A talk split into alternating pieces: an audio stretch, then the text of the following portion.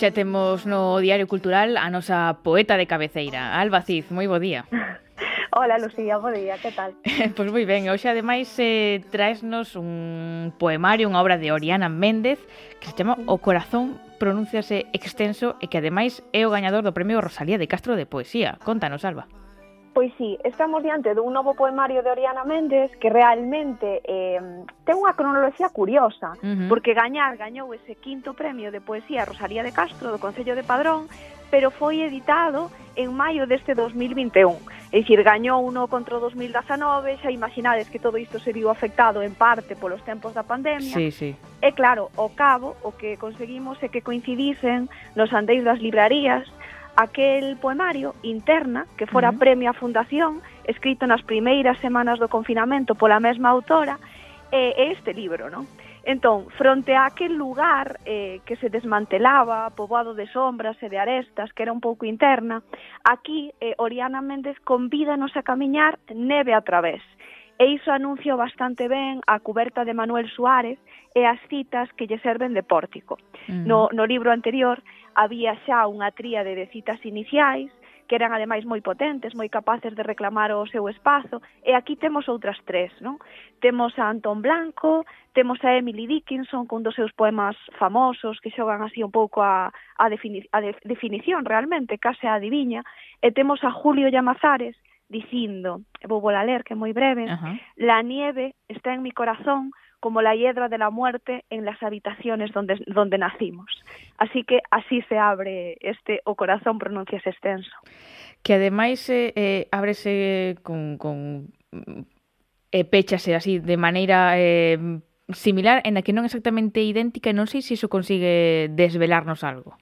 Mm, efectivamente, abre cun poema escrito en, en letras grosas, en negriña, non?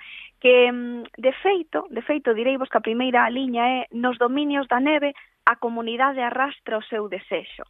Eu diría que ese texto inicial funciona como unha especie de chave, en parte porque nos presenta esa comunidade, a unha especie de masa desexante que se erixe como personaxe noutros poemarios da autora tamén, pero que non só por iso, senón por anunciar unha temporalidade complexa, demorada, non? somos conscientes de que aí hai un latexar que é obviado, que é ignorado de algún xeito, e o mesmo poema, este poema inicial, anuncia que ninguén escoita o murmurio desta masa, o seu camiñar fatigado, igual que ninguén o é avanzar na madeira a teimosa tarefa da couza. Entón, con este xogo, eh, co xogo que citabas, Lucía, eu diría que o poema inicial e o poema final acaban convertendo o libro nun casulo, ou son propiamente un casulo, non ese envoltorio que fabrican as larvas de algúns insectos, como as bolboretas ou como os vermes da seda, porque consegue, na súa circularidade, pechar moi ben o libro. Axúdanos a concibir o libro enteiro como son un fragmento desa travesía pola neve ou dese éxodo E en parte, pois con este pequeno xogo tamén abole unha vez máis o tempo, non? que é algo que xa víamos en interna, e, e constata a resistencia desa masa, desa comunidade que actúa e que avanza como unha enredadeira. Uh -huh. eh, eh, se falamos de, de espazos, pois temos que situarnos no, nos confíns, nos arrabaldes, non, Alba? Claro, isto é algo bastante nebuloso, unha vez máis, pero é certo que a autora se sitúa conscientemente nesas marxes, observando a potencia que encerran. Póñovos por caso. Mm. Non hai saída ao corazón da periferia. Ela é o centro, cando o que temos é guerra herdada a través dos ollos herdados. Ou, eh, poño por caso, as formas comunais. Nalgún momento recoñécese no ollar bárbaro, no patrimonio dos lobos ou no seu abrigo de cuadrilla, non?